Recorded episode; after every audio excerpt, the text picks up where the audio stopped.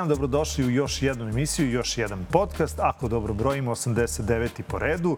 Broj telefona, Viber broj je otvoren za vaše pozive, za vaša pitanja, vaše nedoumice 069 893 0023.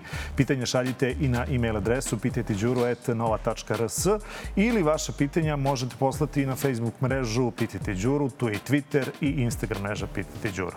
E sad, ovih dana uh, je aktualizovana uh, ta tema i pitanje oko Savskog nasipa, mada smo se mi u ovoj emisiji bavili nekoliko puta i pominjali koliko je to veliki problem, za koji očigledno većina Beograđana i ne shvata dok ne dođe, ne de Bože, taj moment kada Savski nasip bude vršio svoju funkciju, to je zbranio Novi Beograd od poplava, pa onda pitanje je šta će od toga svega biti. Zato je moj današnji gost, Branko Tomić, čovek koji je aktivista u jednoj reči, a čovek koji je po struci elektroinženjer, ali zato se bori na sve strane za bolje sutra Beograđana i svih onih koji se osjećaju tako. Dobar dan, dobrodošli. Dobro večer, hvala.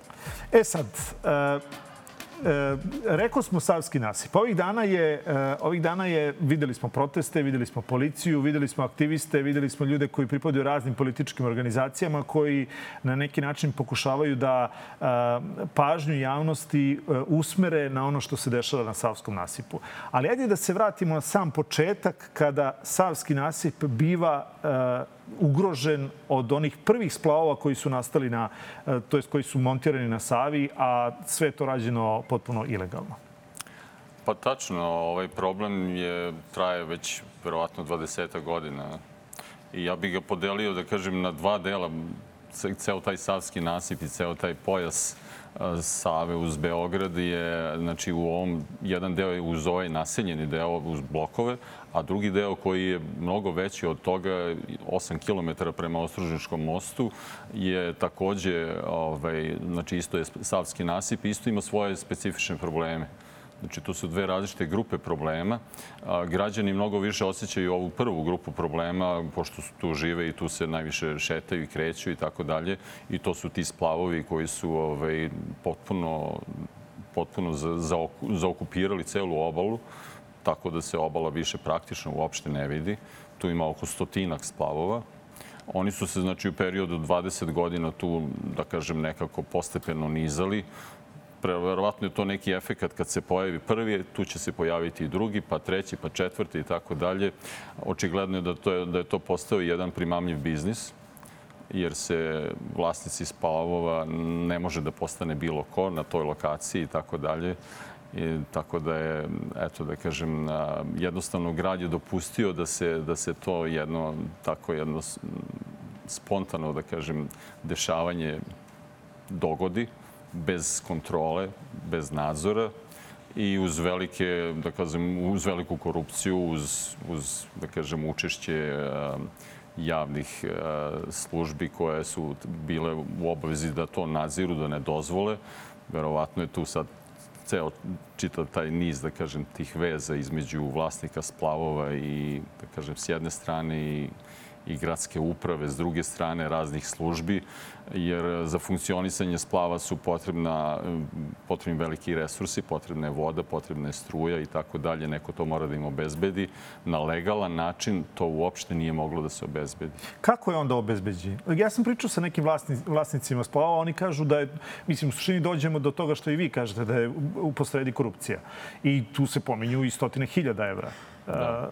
u zavisnosti od toga koliki je splav, na kom mjestu se nalazi i tome slično. Da. Oni sada se bune i kažu ova licitacija koju je Aleksandar Šapić raspisao, to je gradska uprava, ona je takođe kažu da je nelegalna i da, da nije sprovedena u, u skladu sa zakonom, jer je osnovna, osnovno merilo bilo novac. Uh, I uh, opet nakon toga e, izgleda da ćemo mi, da mi nećemo rešiti taj problem, da mi e, nećemo videti reku nakon ove licitacije i eventualno ukoliko se većina tih splavova skloni, već ćemo imati varijantu da sad nećemo videti ni nebo, zato što e, ako sam ja dobro pročitao, dakle 700 kvadratnih metara je, je, povećava se čak granice sa 500 na 700 kvadratnih metara za objekat, što znači da će taj objekat moći da ima i 4-5 spratova, moći će tu da budu i kockarnice, jer u onom samom rešenju piše između ostalo kada se nabraja šta će biti i slično. To slično, dakle, Tač. može da tumači Tač. kako god ko hoće. Pa sve je otvoreno, bukvalno ovim novim izmenama propisa je sada sve otvoreno i sve je, za svako, za svako mesto na, na Keju se bukvalno dogovaraju i dimenzije i spratnost. 10 metara je sada dozvoljena visina splava, što ste rekli, znači neće se videti ni nebo, ne samo Sava. Tako da ove nove izmene su vrlo problematične. Ja mislim da su one donete na brzinu, bez, bez, bez dovoljno promišljanja i bez učešća javnosti, bez učešća građana koji nisu saslušani i niko ih nije pitao šta oni žele da vide na Savskom keju, jer to je ipak i javna svojina. Obala je javna svojina. E, Vi ste e, ranije, e, čitao sam da ste izjavili da je, da je Savski nasip izbušen na nekih 40 mesta. Da li ljudi shvataju koliki je to problem? I zašto je to problem?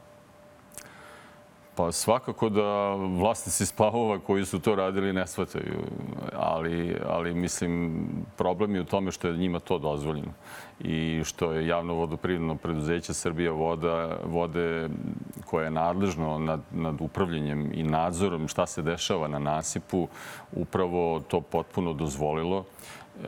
I sada smo mi u situaciji da se čak više ni ne zna gde su sve ta creva i na kojim mestima je nasip sve oslabljen. Bukvalno nema evidencije, jer je to rađeno... Ali čekajte, da li je tu bilo saučesništva od strane građana koji imaju stanove u... Jer pretpostavljam da je ta voda od neku došla. Dakle, e, to je gradski vodovod, je li tako? Oni su spojeni na gradski vodovod. Dakle, Tačno. vi kažete, e, e, tu je neko iz gradskog vodovoda, između ostalog, morao biti korumpiran, je li tako? Ali i predsjednici Skupštine stanara u zgradama koje su Ne, nego ne, ko? ne, ne, ne. Predsjednici Skupštine stanara nema nikakve veze jer to su spoljne, spoljne instalacije. Znači, ti priključci su bukvalno na nekim, na nekim cevima koji prolaze pored e, šetališta. Znači, da nemaju veze sa zgradama. Nikakve veze nemaju. Ja mislim, ja nemam, ja nemam saznanja da ima veze sa, direktno sa zgradama. Ne kažem, ovo je sad prvi put da čujem, A, ali mi smo recimo zaticali, mi smo otvarali šahtove koji se nalaze tu bukvalno na stazi koja je ispred nasipa i videli ovaj, da su tu vrlo, vrlo, da kažem, primitivne instalacije postavljene i sa nekim vodomerima koji maltene nisu ni čitljivi i tako dalje. Vidi se da to nešto zapušteno, ali to crevo ide. Vidi se da ulazi negde u zemlju i ono prolazi prema, prema nasipu. I takvih mesta ima puno. I ko je sve učestvovao u ovoj kriminalnoj radnji? Pa evo Koja da sve kažem, preduzeća su odgovorna za ovakvu Beogradski situaciju? vodovod i kanalizacija definitivno to bez njihove saglasnosti ne može se dogoditi. Jer da bi se napravio neki priključak, neko mora da zavrne vodu. Ne može samo tek tako cev da se ovaj, saseče i da se, da se stavi novi priključak. Znači, Beogradski vodovod i kanalizacija svakako imaju eh, veliki, da kažem, uticaj, odnosno učešće u svemu tome. A, opet, kako je to dopušteno i zašto se to dopustilo, to je stvarno pitanje za, za njih. Mi smo, recimo, tražili informaciju od Beogradskog vodova i kanalizacije a, da nam daju a, ko, koliko ima legalnih priključaka za splavove. I oni su rekli da oni nisu izdali ni jednu jedinu dozvolu legalnu za priključenje splavova na vodu. Kad vi kažete dozvolu, da li je ta dozvola privremenog karaktera ili pričamo o nečemu što je na, ne znam, nekoliko godina? Dakle, e, morali su imati neki papir. Pa naravno, da. Pa zato kažem, znači oni nemaju nikakav papir. Ali da, da imaju papir, e, onda bi to bilo nekog, da kažem, verovatno trajnog karaktera. Ali je upravo problem u tome što oni nisu oni bez dozvole zato što je nekog mrzelo da im izda dozvolu, nego zato što nije smeo da im izda dozvolu. Zato što je taj priključak nelegalan, jer da biste vi nekom izdali dozvolu, taj objekat mora da bude legalan. Ne može vodovod Beogradski da, da nekome izda dozvolu za priključak za ne- nelegalan objekat. E sad, ako vi kažete da je to nelegalno, da li to znači da oni nikome tu vodu i ne plaćaju? Pa to je sad e, isto, isto ovaj, e, vodovodu zvanično sigurno ne plaćaju, odnosno državi ne plaćaju, jer nema osnova. Mi, mi bismo recimo mogli da tražimo račune na uvid, da vidimo koji su to računi za te splavove, ovaj, koliko, koliko Beogradski vodovod i kanalizacija naplaćuje vode za splavove recimo u jednom mesecu. Da li to znači da mi, Beograđani, plaćamo utrošak vode za splavove na Savskom nasipu? Pa najverovatnije. Mislim, neko mora da plati to. E, Šta je sa strujom? Sasvim je moguće da, da neko njima naplaćuje vodu, uh -huh. ali teško da to završava na zvaničnim računima. A šta je sa strujom? Da li i za struju ista ova priča? Za struju ja ne znam tačno, mislim da tu postoje neki a, priključci koji su legalni, u smislu da im je elektrodistribucija dozvolila priključak i ja, mi, mi vidimo neke a, strujemere na, na stubovima i u nekim ormarićima koji su postavljeni, ali opet je, znači, opet je situacija takva da je glavno pitanje da li ti splavovi imaju uopšte dozvolu da se tu nalaze jer da bi se splav, splav je vodni objekat koji, plutajući objekat za koji mora, mora da se izdaju vodni uslovi, znači mora, mora Srbija vode da im izda dozvolu da se oni tu nalaze. I te dozvole isto tako ne postoje. Znači, ni jedan splav na tom području nema, da kažem, potpuno sve papire da se kaže, e, ovo je sve legalno, sve su priključci legalni i sve u redu.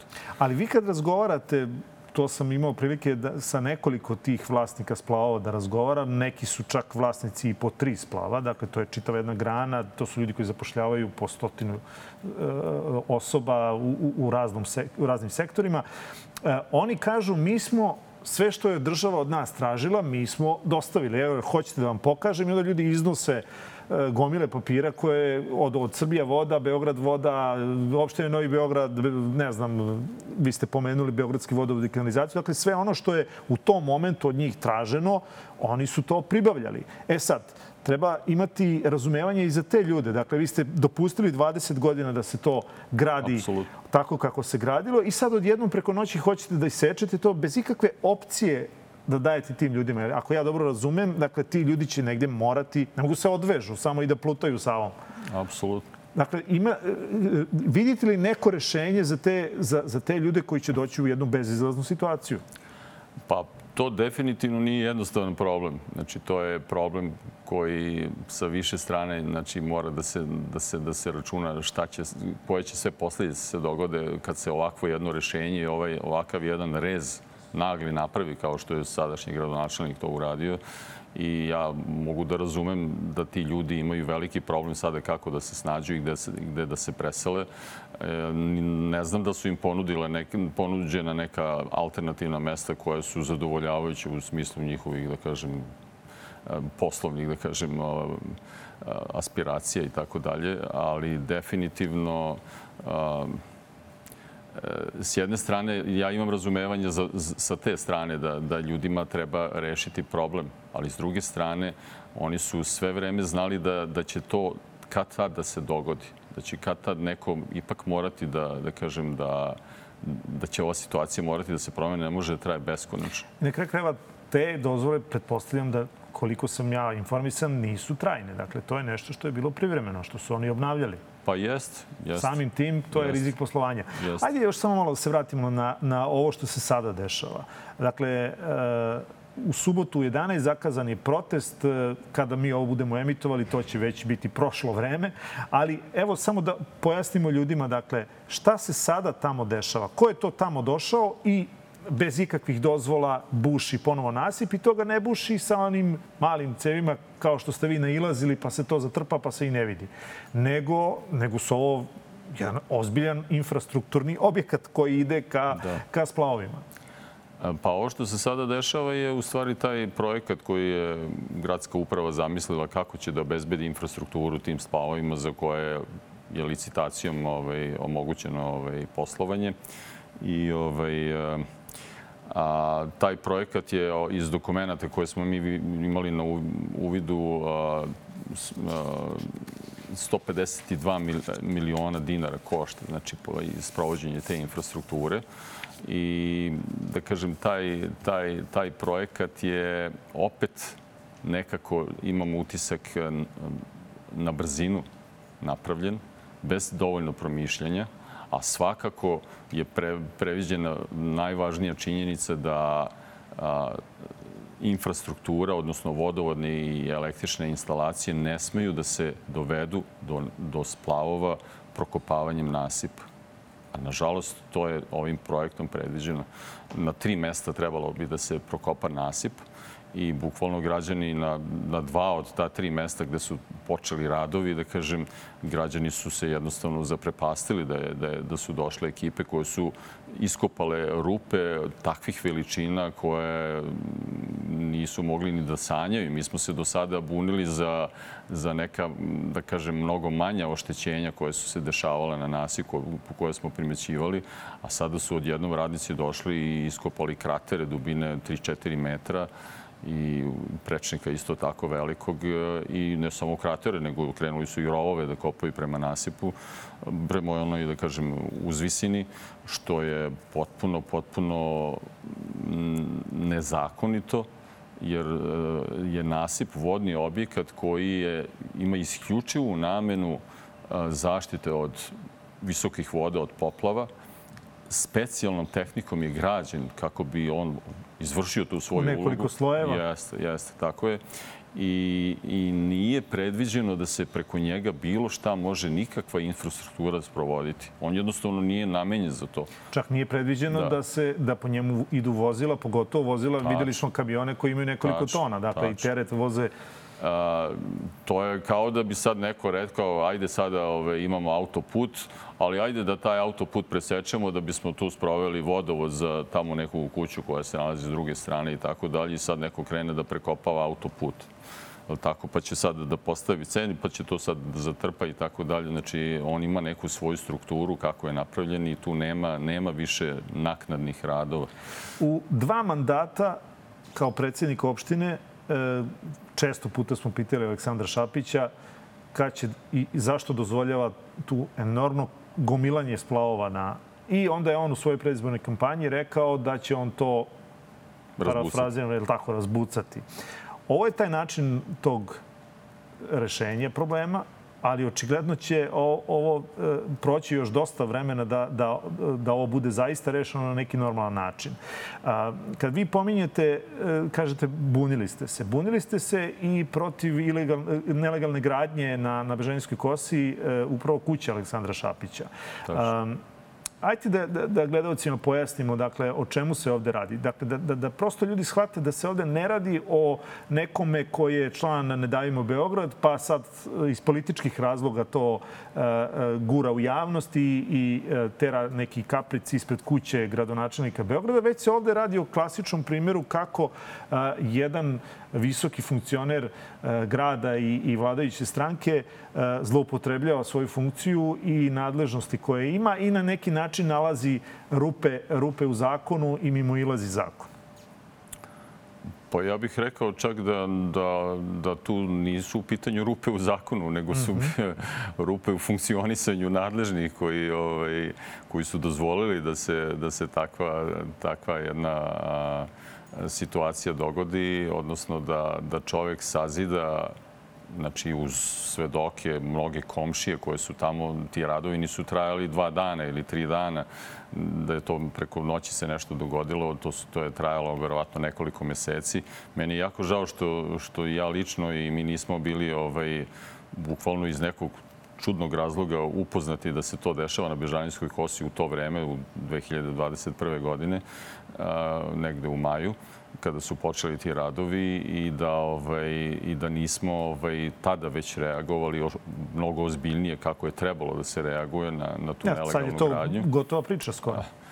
Pa znate šta, gotovo je priča u smislu gradnje. Građevinskom. Da. U smislu gradnje i u smislu sadašnjeg stanja. Mm.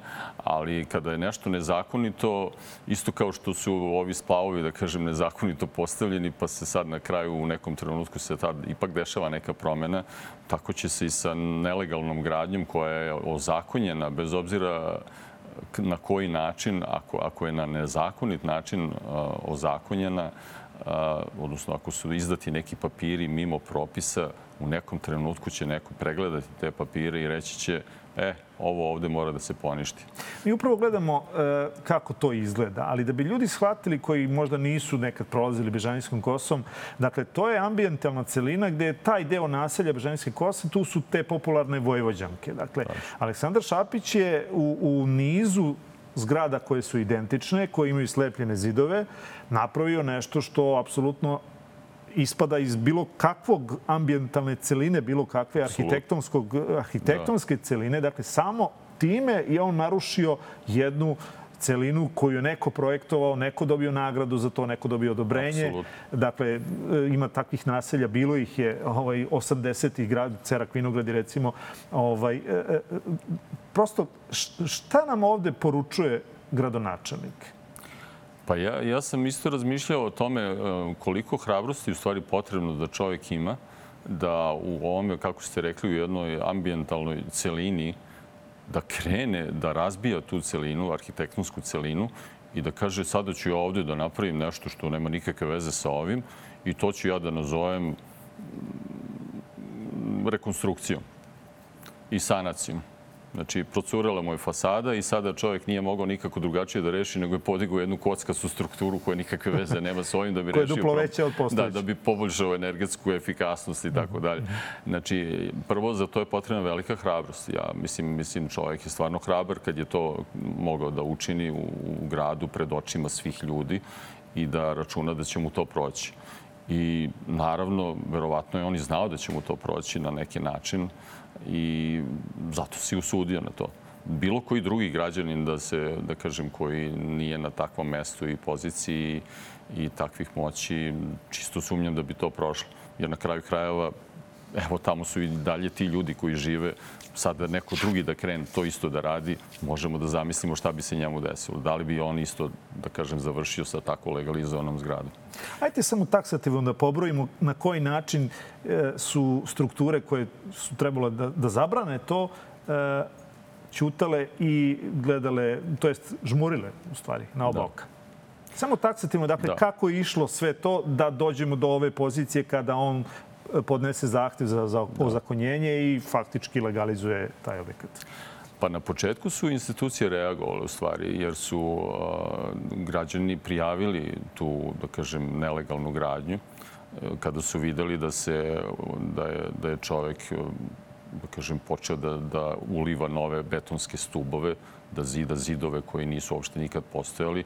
Znači, građani su prijavili nelegalne radove na tom mestu i građevinski inspektor je izašao na teren i snimio situaciju, napravio izveštaj, izdao je rešenje o obustavljanju tih radova i rekao je za ove radove neophodna građevinska dozvola. Ovo nije rekonstrukcija. Mislim, Šapić je bio koliko zna, ja znam, podneo neku, neko, neku prijavu rekonstrukcije zgrade i sanacije. A, međutim, građevinski inspektor naravno ima svoje, svoju struku, završio neki fakultet i može da razlikuje šta je sanacija i rekonstrukcija, a šta je nova gradnja. I on je na osnovu toga izdao to rešenje. A, međutim, naravno, stranka u postupku ima pravo žalbe. Šapić se žalio na to rešenje. Drugostepeni organ je Ministarstvo za građevinarstvo. I, i sad počinju problemi, da kažem, ministarstvo usvaja žalbu Šapića i vraća je na prvo, prvo, prvostepeno odlučivanje. Znači, ona vraća građevinskoj inspekciji koja je izdala probitni nalog za obustavljanje radova da ponovo razmotri šta se tu zaista desilo. I? I to je, da kažem, ključna, ključan trenutak u celoj priči kako se sve ovo kako je njemu omogućena ta legalizacija. Jer da je ministarstvo odbilo to, Šapić bi morao da ponese zahtev za građevinsku dozvolu koju nikad ne bi dobio. Jer ne može da je dobije za, ta, za takav objekat.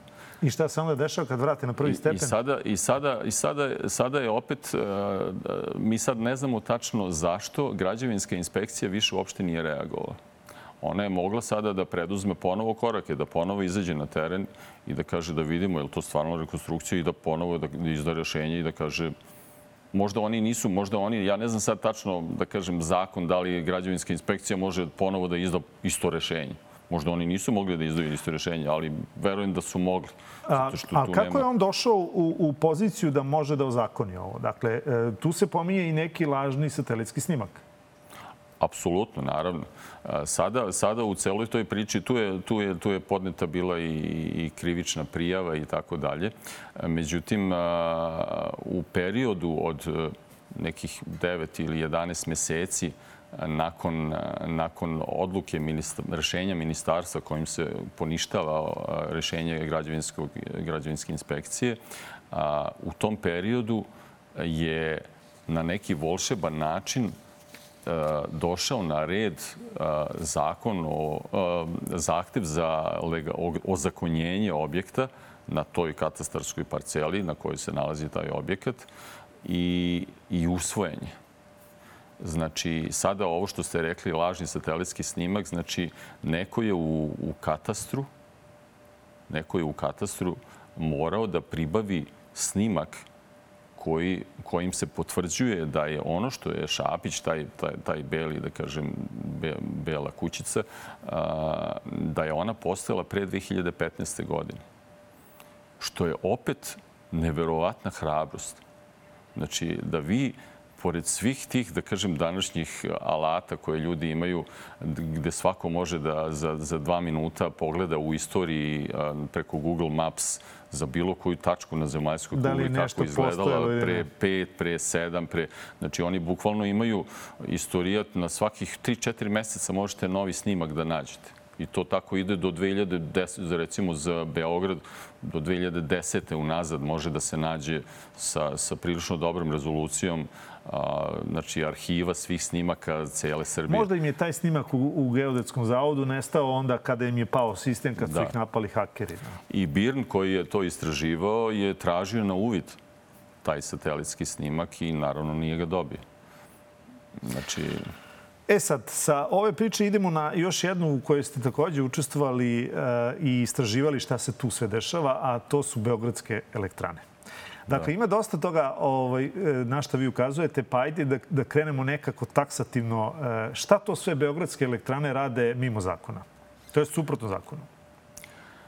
Pa to bi, tu postoji verovatno čitav jedan dosije, kažem, koji bi mogo da se otvori o tome ovaj, šta je sve nezakonito u poslovanju beogradskih elektrana, ali ne samo i Beograd, beogradskih elektrana, nego i gradske uprave koje je u direktnoj vezi sa svakim javnim preduzećem komunalnim u Beogradu, zato što ima funkciju njegovog nadzora i, i ona mora da kontroliše šta javno preduzeće radi. Znači, mi sad imamo jednu situaciju da je javno komunalno preduzeće Beogradske elektrane od 2016. odnosno od 2015. godine kada je donet nov zakon o energetici, Beogradske elektrane su bile dužne da usklade svoje poslovanje sa tim novim zakonom. Šta to konkretno znači? Pa to znači da je od, od 2015. godine recimo, pre svega, pre svega taj zakon predviđa da se svake godine pred početak grejne sezone ponovo utvrđuje cena grejanja za narednu grejnu sezonu. A oni to nisu A ona se vrši zbog toga što je u tom, da kažem, nekom proračunu cene za sledeću grejnu sezonu se uzima, da kažem, rezultati poslovanja iz prethodne grejne sezone. Dobro. Što znači da ako, je, ako ste vi, zato što uh, Beogradske elektrane, da kažemo, oni imaju primarno gas kao neki energent koji koriste za zagrevanje vode uh, i cena gasa varira. A isto tako varira i spoljna temperatura nije ista svake, svake, svakog meseca ili svake godine, to se sve menja i ti parametri utiču na to koliko ćete vi para da potrošite da biste obezbedili grejanje građanima po zakonu kako je to potrebno. Tako da javno preduzeće može potroši više ili manje para.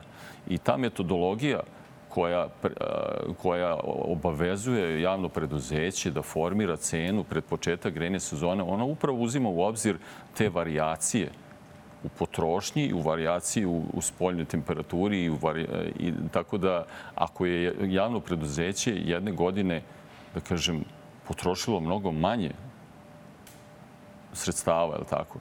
Ono, ono je dužno da sledeće, u sledeće godine smanji cenu zato što je očekivana cena, zato što su očekivani troškovi manji sad za sledeću godinu. Da li to znači, pošto je ova zima bila prilično blaga, da su Beogradske elektrane ove godine uštedele? Da li to znači da bi sledeće godine građani, iako bi energenti poskupili, građani morali da imaju garantovano ovakvu cenu, ne nikako veću cenu nego što je postala, zato što su Beogradske elektrane uštedele? Je li to to znači? A to se neće da. desiti. Pa naravno, ta, ta računica nije baš toliko jednostavno, tu ima dosta faktora koji, koji utiču na formiranje cene, ali ovo što ste rekli upravo, grubo je upravo tako. Znači, ukoliko se, ukoliko, ukoliko se a, a, utroši manje, jel tako, u onom proračunu pred početak sledeće grejne sezone, taj, taj neki korekcioni element će uzeti, da kažem, u obzir i, i smanjit će, da kažem, cenu za sledeću godinu.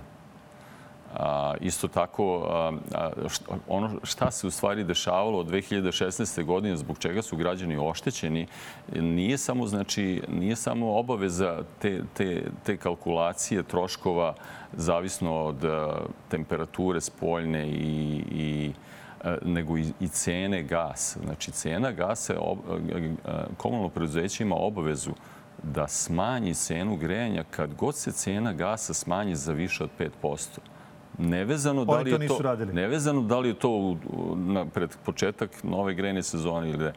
Oni to nisu radili i Šta to znači u novcu? Naročito 2016. godine došlo je do drastičnog pada cene gasa. Toga se građani, to građani ne znaju. Mislim, možda ne znaju jer ne, nemaju direktnog, da kažem, nisu direktni potrošači. Ali i ta cena gasa je tako drastično smanjena, ostala jako dugo. Ona se posle malo varirala, ali sledećih 4-5 godina je ona praktično ostala na tom niskom nivou. Tek sad pre godinu i nešto dana je došlo do tih naglih skokova. I u parama to znači da je da su građani od 2016. pa do recimo 2020. za period za koji smo mi radili poslednju računicu oštećeni za preko 130 miliona evra.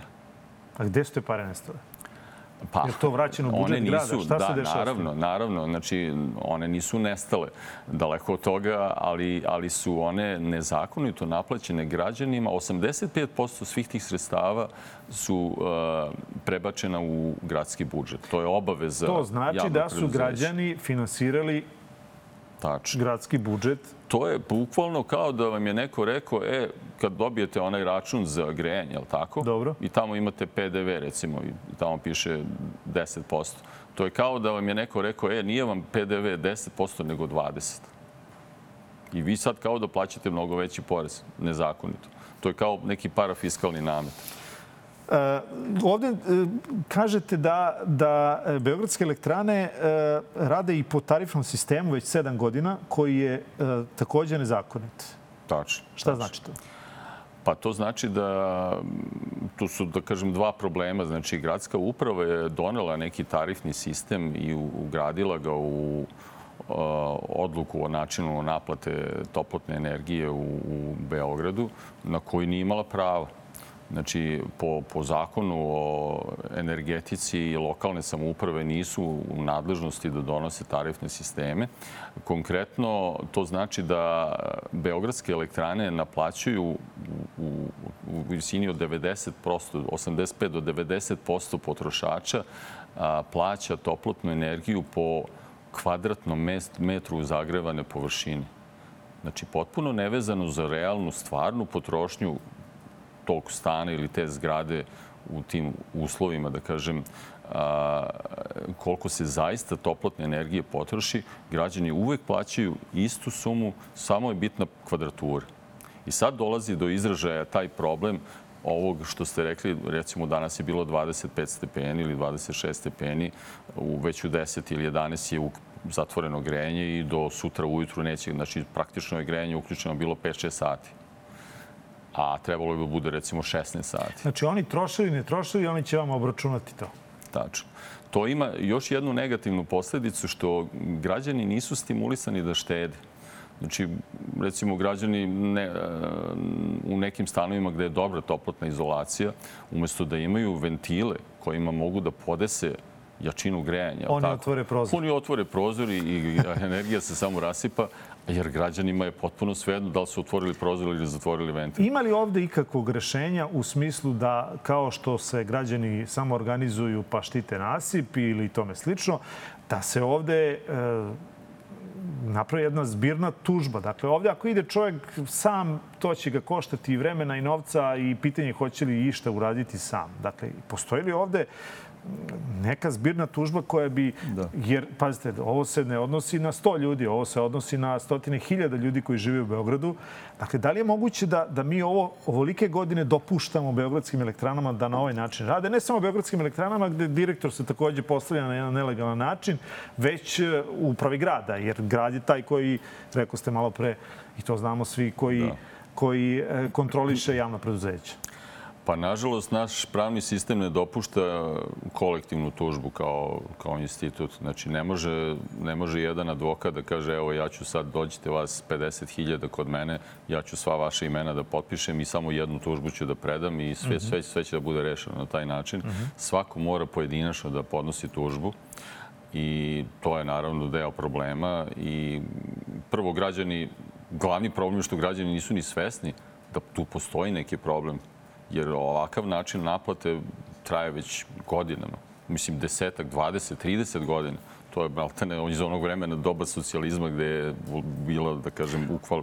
A šta je sa peticijama, recimo, kad vi kažete da naš pravni sistem ne dozvoljava ovu kolektivnu tužbu? Dakle, može li se tu uraditi nešto na taj način? Pa ne može ništa sa peticijama da se uradi zato što je to posao gradske uprave, odnosno gradske skupštine. Znači, oni moraju da isprave te nezakonitosti.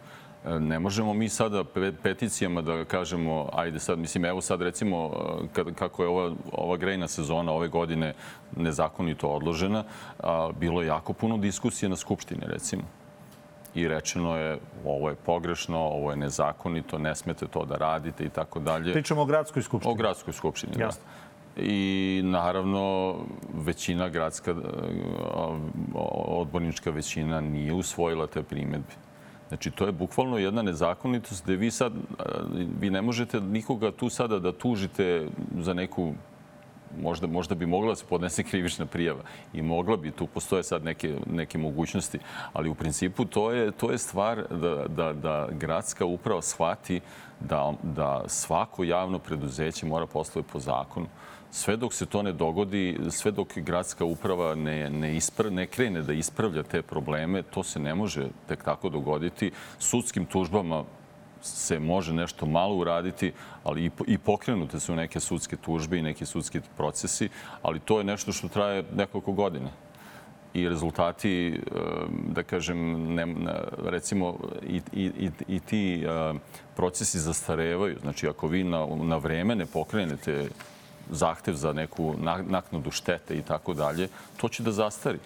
I vi, Znači, ako sam vas dobro razumeo, ovde je neophodna a, jedna Politička. politička promena da bi se, da bi Upravo se ove tako. stvari e, rešile. Upravo. E, Vi ste nastupali ispred Ne davimo Beograd. E, Samo ću vas za kraj pitati. Dakle, da li mislite da ta grupacija koja je sada u opoziciji, da ona zaista veruje da se ovaj sistem u javnim preduzećima mora menjati? Dakle, ovo je samo primjer beogradskih elektrana, ali mi imamo javna preduzeća kao jedan problem na nivou čitave Srbije. Dakle, e, da li ste vi svesni koliki je, koliko je to veliki problem i koliko vi u suštini ulazite u srž korupcije?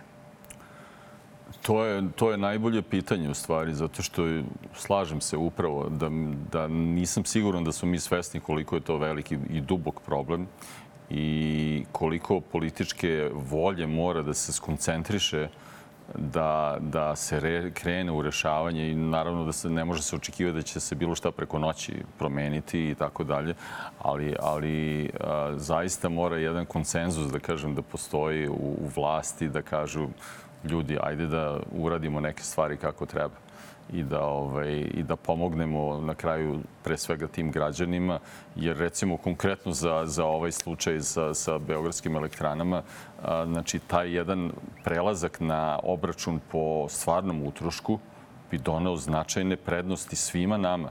Jer bi građani rekli, čekaj, pa dobro, sad, recimo, ja, niko ne živi u nekom stanu, on dođe, zavrne sve ventile, ne plaća praktično, plaćao bi četvrtinu računa za grejanje. Ne bi se rasipala energija.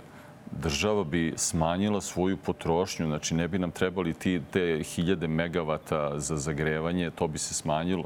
Naša bi se energetska zavisnost smanjila. Jer mi E, u... još kad bi neko tako domaćinski razmišljao, a valjalo bi. Da. Hvala vam puno na, na izvornom vremenu i na gostovanju. Moj današnji gost bio Branko Tomić, eh, aktivista Savskog nasipa za naš Kej i tu, ste, tu je aktivan Ne dajme u Beograd. Dakle, eh, trebalo bi se ugledati na ovakve ljude koji, pored svog eh, radnog angažovanja koje je primarno, svoje slobodno vreme eh, jednostavno pružaju svima nama za dobrobit svih nas. Eh, Toliko za ovu emisiju. Vidimo se ponovo sledeći put. Eh, Broj telefona otvoren za vaše pitanje 069 893 0023. To je Viber broj. Pišite na e-mail adresu pitajte đuru.nova.rs ili na Facebook, Instagram ili Twitter mrežu Đuru.